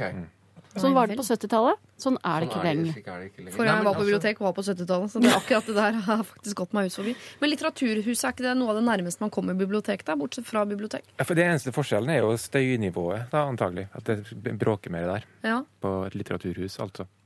Men alle i salen ga oss stygge blikk, så det er jo ikke bare irriterende for innsender her. Det er irriterende Altså, hun er en pest om plage i samfunnet. Nå Ja. Ja, hun, er en, hun er rett og slett en utfordring å være sammen med, hun her, altså. Ja. Skal, ikke, det er jo en vanskelig beskjed å gi, men vil ikke alle bare få det litt bedre etterpå? Kan hun gjøre det sånn mer sånn sånn øh, sånn Oi! Og holde seg for ørene. Selvfølgelig, men da, det er litt seint å begynne med det nå. At det plutselig har blitt høylytt. Nei, altså det, det er vel antageligvis da som i de aller fleste sa, eh, tilfeller eh, Å bruke plasteret der òg, eh, metaforen. Altså, si det til henne. Vet du hva, du snakker altså så høyt. Jeg er veldig glad i deg, men du snakker altså så høyt at det er en utfordring for meg, og det er flaut. Så det, jeg lurer på om du rett og slett må, må om, om vi, Er det noe jeg kan hjelpe deg med? Eh, skal vi gå Ja. til en logoped? Eller kan man, ja, for man, det er akkurat der. Man kan, gå, man kan si, vet du hva? Har du fått sjekka ørene dine noen gang? Fordi at du snakker veldig høyt. Sånn at, og det kan være at du kan få lagt inn et dren eller et eller annet. At det er noe at Kanskje du- ikke begynn der. Har du sjekka øra dine? For da hadde jeg blitt ja, men, litt- Kan man ikke det? Jo, jeg ville, bare, jeg ville ha tatt uh, og snudd setningen. Omvind, Da, fordi jeg har sagt sånn, du, snakker veldig høyt. Kan det være noe med ørene dine? Ja, ja, ja, man kan godt ta det på den. Er du røyka sokka? Altså, det blir litt sånn, Man føler som at man får en frekk kommentar slengt i fleisen. Men jeg, jeg blir of, for ofte litt sånn påpakning fra min kone Ja. om at jeg snakker litt høyt. Å, ja. Ja, og, og jeg, det, når hun sier det, så hører jeg at jeg Ja, jeg, ja, jeg skjønner at, at nå snakket jeg veldig høyt. Men jeg hører det ikke selv før jeg blir gjort oppmerksom på det. Og det er jo det som er hennes eh, utfordring, denne damen også. For hun hører ikke at hun, at hun snakker høyt. Så hun har jo ikke et problem. Nei. Så, så eh, Men det, det er ikke at hun kanskje liker det, da, for alle i salen ga oss stygge blikk. Og hvis hun venninnen på en måte overhodet ikke har lagt merke til det engang, det den, n- n- merker jeg at jeg ikke helt tror på. Jeg tror hun liker det litt. Den oppmerksomheten hun får Ja. ved, å le, så, høyt. For da er hun noen. Da er hun hun som ler høyt. Jørgen Stikkert, vi har jo Ja, en felles fall venn har, vi det, har vi det? Vi har en felles venn som ler veldig, veldig høyt. Det Har tror jeg hun er klar over. Oi, Hvor- hva heter hun? Nå kan ikke jeg snakke, for tenke. Katinka Rondan, vår Å, gamle sjef. Ja, ler hun så høyt, Hun ler så høyt. Gjør hun det? Men jeg tror hun liker det litt. Ja, Ja. ja men og, tenk, jeg tenker, Er det ikke veldig hyggelig at noen ler høyt, da? Jo, men hvis hun snakker høyt Ja, nei, og det er mer- skriker, ja. det gjør ikke vår venn. Nei, okay. Det er der bare jeg nemlig For ja. høy latter er jo fint. Ja. Men tror det. Jeg vet ikke. Oi, Oi. Måtte bare ta vekk en due. En due i studio. Unnskyld. Det er irriterende. Noen må si fra til den dua. Men eh, ingen mener at hun skal droppe venninnen. Nei. Nei. Nei. Det går ikke an. Hvem mener at hun skal si fra? Jeg syns hun kan si fra. En hånd i været for å si fra. Ja, To, tre hender i været for å si fra. Fins det subtile bevisstgjøringsstrategier? Kan man ta henne opp på lydbånd? Eller, Er subtilt? eller noe moderne som fins, og spille det tilbake for henne på en munter måte? Ja, eller jeg så for meg bare at jeg ville late som jeg muta den hele tida. At jeg hele tiden satt og skrudde på et eller annet. Så en dag spør jeg sånn, hvorfor skrur du luft, luftskrur du hver gang jeg snakker? Sånn, sånn, jeg- prøver å senke volumet. At det kan være Er, det, er det frekt eller artig? Jeg har litt Artig. dårlig artig. artig. Artig. Jeg er veldig dårlig på å skille mellom frekt og artig. Det er et uh, problem jeg har. Det er artig. Artig. Ja, kan gjøre noe sånt, da. Subtilt. Si fra. Subtilt og artig, vil jeg si. Ja, på grensen til ikke det, men kan du si fra på en litt artig måte, tror jeg rådet ut her eh, blir. Fordi eh, det kan jo hende at hun liker det. I så fall så må hun jo innrømme det, og da må hun få lov til å fortsette. Og hvis du syns det da er flaut, så får du la være å bli med på disse offentlige hendelsene. Eh, men ikke dropp venninnen din. Ikke bare fade ut fordi ting er eh, vanskelig. Ta, ta og si fra, men ikke si 'har du sjekka øra dine'? Altså, som, da gjør det på en bakt inn litt Altså bare bakt inn lite grann. P3. Jeg husker for noen eh, år siden, det er mange år siden, altså det er derfor jeg tør å si det høyt uh, nå. Jeg har fått meg kjæreste, jeg var vel kanskje um, 17 år, tenker jeg var, og han var da to år eldre enn meg. Og vi var jo da uh, mye hos han, mye hos meg, men du vet, man bor jo hos foreldrene sine på den tida der. Eh, og noen ganger glemmer man det, at de kanskje er i rommet ved siden av oss. Og, og jeg husker en gang hvor eh, min mor kom inn på rommet, da, til min bror faktisk, altså, men det var der det var TV. Og der eh, var jeg da, og denne gutten, og under dyna, og i det hele tatt Og jeg så at mamma skjønte hva som hadde foregått, selv om vi sa sånn Hei, vi ser bare på film!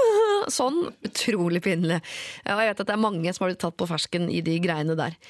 Men heldigvis, tenker jeg. Heldigvis var det i hvert fall kjæresten min, som var på en måte litt sånn stuereint. Altså, vi er veldig glad i hverandre, og altså, dette skjer. Jeg er over 16, og alt er lov, i det hele tatt. Eh, jeg tenker det hadde vært mye verre hvis det var en sånn noe jeg hadde dratt med meg inn fra gata-aktig. Altså at vi ikke var sammen i det hele tatt. Eller at det på, kanskje enda verre, at jeg hadde blitt med en fyr hjem, og morgenen etter så møter jeg slekta. Herregud, så flaut. Og tenk hvis jeg da må tilbake dit og møte de flere ganger. Oi, oi, oi. Jeg er glad jeg opplevde mitt, og at det er noen andre som har opplevd det vi straks skal inn i, nemlig akkurat det jeg skisserte. Vært på one night stand, møter far i gangen, har glemt noe, må tilbake, osv. Uh, vi skal løse opp i det hvert øyeblikk, det lover jeg. Dette her eh, må vi faktisk finne ut av. Eh, men først Naughtyboy. Dette her er eh, La La La. Lørdagsrådet på P3. Vi eh, tar et siste problem i Lørdagsrådet, og det eh, handler om et one night stand. Jeg skal ikke ta runde på hvem som har hatt det før. Eh, Det blir for flaut. Solveig Kloppen, Rune Gokstad, Jørgen Strikkert, dere er rådgivere. Ok, hei. I helgen hadde jeg one night stand med en jente. Jeg hadde aldri møtt henne før denne kvelden, og vi ble, fikk straks god kontakt i forholdsvis edru tilstand. Senere den kvelden, etter eh, for mye alkohol, ble jeg med henne hjem. Morgenen derpå var jeg uheldig nok eh, der at jeg møtte hennes far og hennes bror da hun geleidet meg til døren. Rufsete og sliten som jeg var, for ikke å snakke om at det var ganske innlysende hva som hadde foregått mellom oss den natten, var ikke dette det beste som kunne skjedd. Jeg dropper å fortelle om dette i detalj, da jeg fortsatt får lyst til å hive meg opp i akvariet bare jeg tenker på det. Ikke gjør det. Et par første råd før vi deltar her i morgen. Et par dager er gått, og jeg er betatt av henne. Ordentlig betatt. Og vi har ikke hatt noe særlig kommunikasjon, bortsett fra noen ganske ubetydningsfulle Snapchats-forvekslinger. Jeg vil si hva jeg føler for henne, men kun under fire øyne. Jeg glemte dessuten et kostbart halssmykke hos henne, så jeg vet at jeg må tilbake dit en eller annen gang uansett, men er mildt sagt livredd for å møte på feil person i huset. Jeg vil helst ikke fortelle dette til henne, fordi jeg ikke ønsker å framstå som feig. I, I tillegg er det sannsynlig at hun ikke ønsker at jeg står på trappen særlig lenge, tatt tidligere omstendigheter i betraktning. Så hvordan går jeg fram for å fortelle henne hva jeg føler ansikt til ansikt?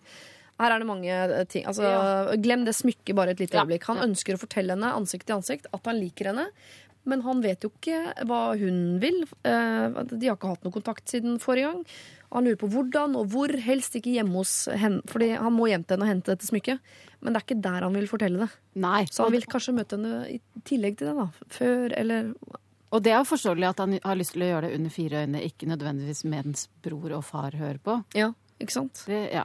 Det er det han er redd for hvis han er der for å hente et smykke, og bror og far igjen står i gangen.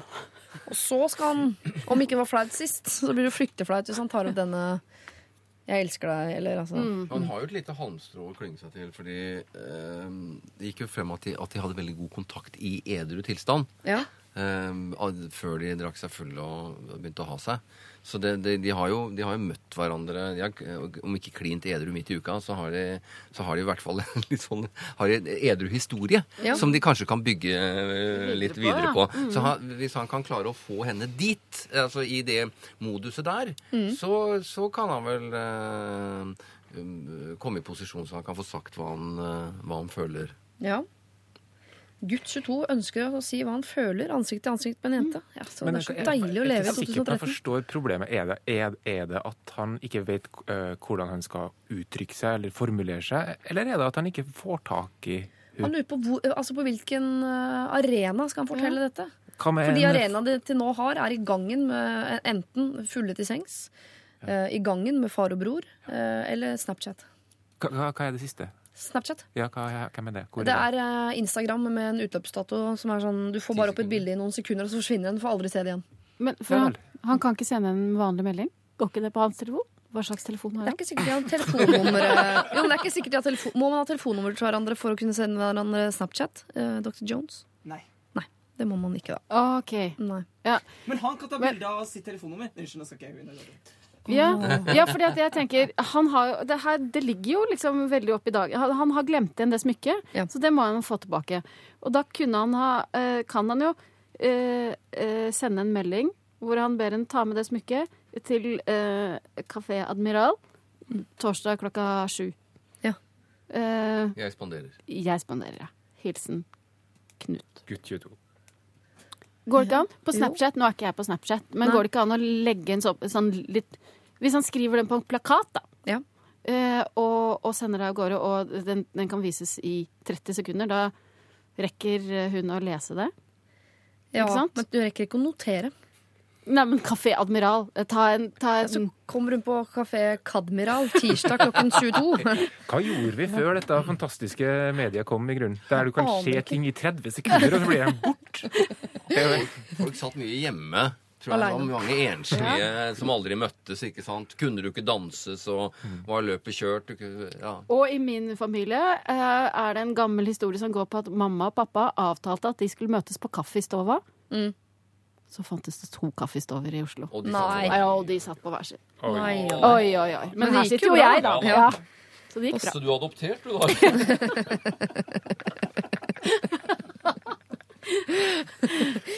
Men eh, Kaffestova eller Admiral er selvfølgelig et veldig konkret eh, forslag til kafé. Absolutt. Men Gutsuto 22 han gruer seg vel litt til hvordan han skal gå fram for, for å si det også.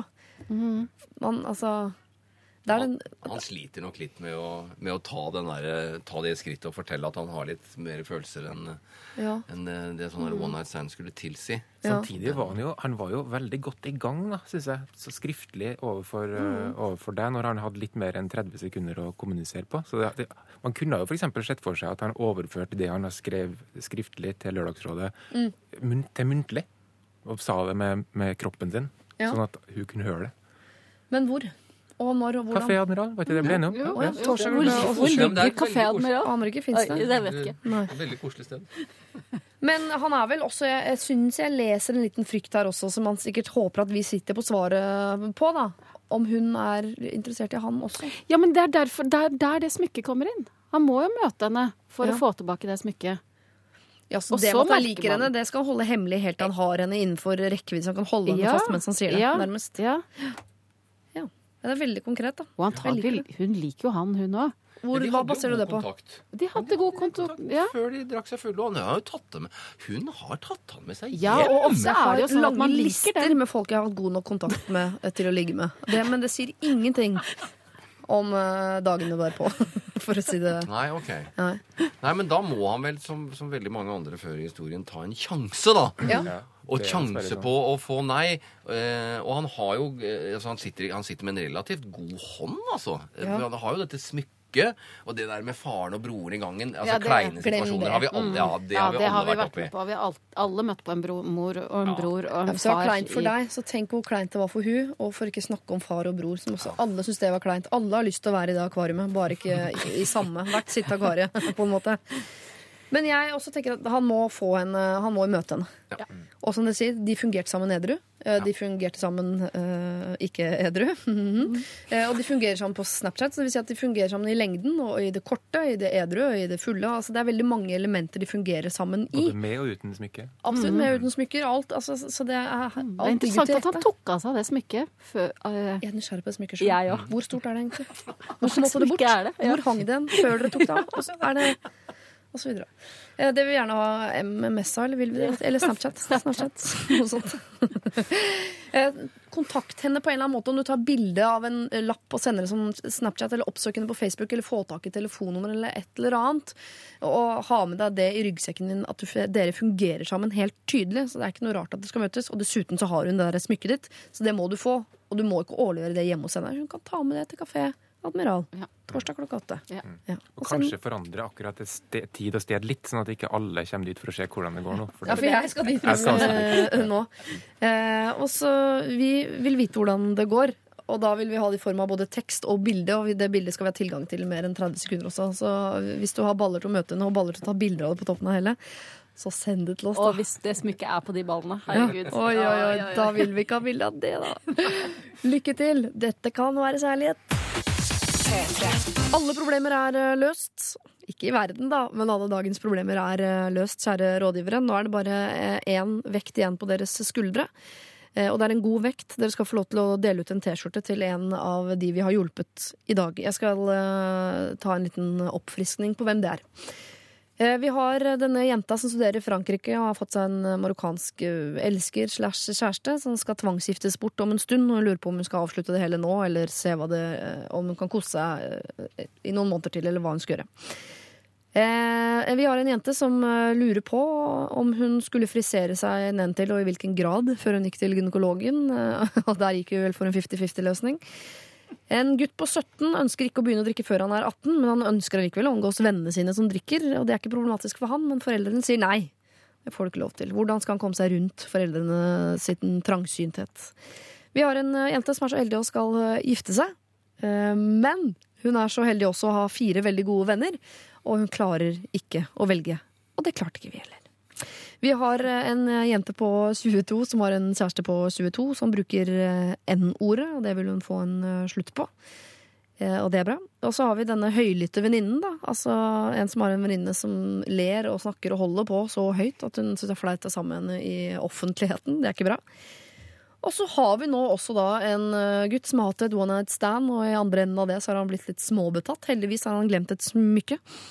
Eh, Så han har muligheten til å treffe henne igjen. Han bare vet ikke hvor og hvordan, og han ønsker også å fortelle henne at han liker henne. Jeg glemte å si det, at eh, min ekskjæreste han fikk jeg nettopp ved å drive og glemme ting hjemme hos han hver gang jeg lånte noe. Og hver gang jeg kom på nytt besøk, så glemte jeg noe nytt. Og på da, når jeg kom dit for fjerde gang for å hente et eller annet som jeg skulle låne eller hadde glemt, så sa jeg sånn Du vet at jeg bare finner på disse tingene jeg glemmer for å ha en anledning til å komme tilbake? Så sa han ja, men nå trenger du ikke det lenger, for nå kan du komme uansett om du har glemt noe eller Ah, ikke. sant? Å, så fint. Så ble vi sammen. Og så ble det slutt. Eh, ja, ja, ja, ja, men vi fikk seks gode år sammen. Oh, ja. ja, ja, det, der, det er kjempefint. Ja, det er tips. Så fortsett å glemme smykker og sånn, det er lurt. Hvem fortjener en T-skjorte? Eh, Solveig, Rune, Jørgen, Strikkert, Gokstad, Kloppen. Jeg lurer på om jeg heier på han 17-åringen, jeg. Som eh, har de f rare eh, slash kjipe foreldrene. Ja. Eh, det kan være en måte å, å begynne den samtalen, dialogen, på. Hvis ikke de hører på P3 òg, der spiller de jo rock. Ja, så har de begynt å danse òg, da. det vet jeg ikke. Nei, det kan hende. Ja. Det er et, jeg skal ikke legge noen flere føringer enn jeg allerede har gjort. Hva syns du, Rune? Jeg er enig med Solveig. Jeg syns vi skal gi han eh, all den eh, backingen eh, han eh, trenger. Og eh, for å ta opp det der med sine foreldre at eh, jeg har tatt et valg, og så må dere stole på meg og se hva det har brakt meg. En T-skjorte fra Kringkastingen. Ja. Jørgen, tør du å stå imot uh, Ja, ja, altså, min første tanke var at eh, det er jo disse, disse eh, første vi snakka om, det elskende paret som dessverre har disse omstendighetene med tvangsekteskap og derfor er nødt til å rømme. Jeg tenkte at dem, Når man er på rømmen, så kan det jo være kjekt med ekstra skjorte. Mm. Sånn som den er praktisk, så syns jeg kanskje de burde, burde få den. Ja. Eh, Men jeg er jo enig i at han er på alle måter en kjernekar, eh, denne gutten som, eh, som har disse trangsynte foreldre. ja. Jeg skjønner bare ikke hva han skal med skjorta.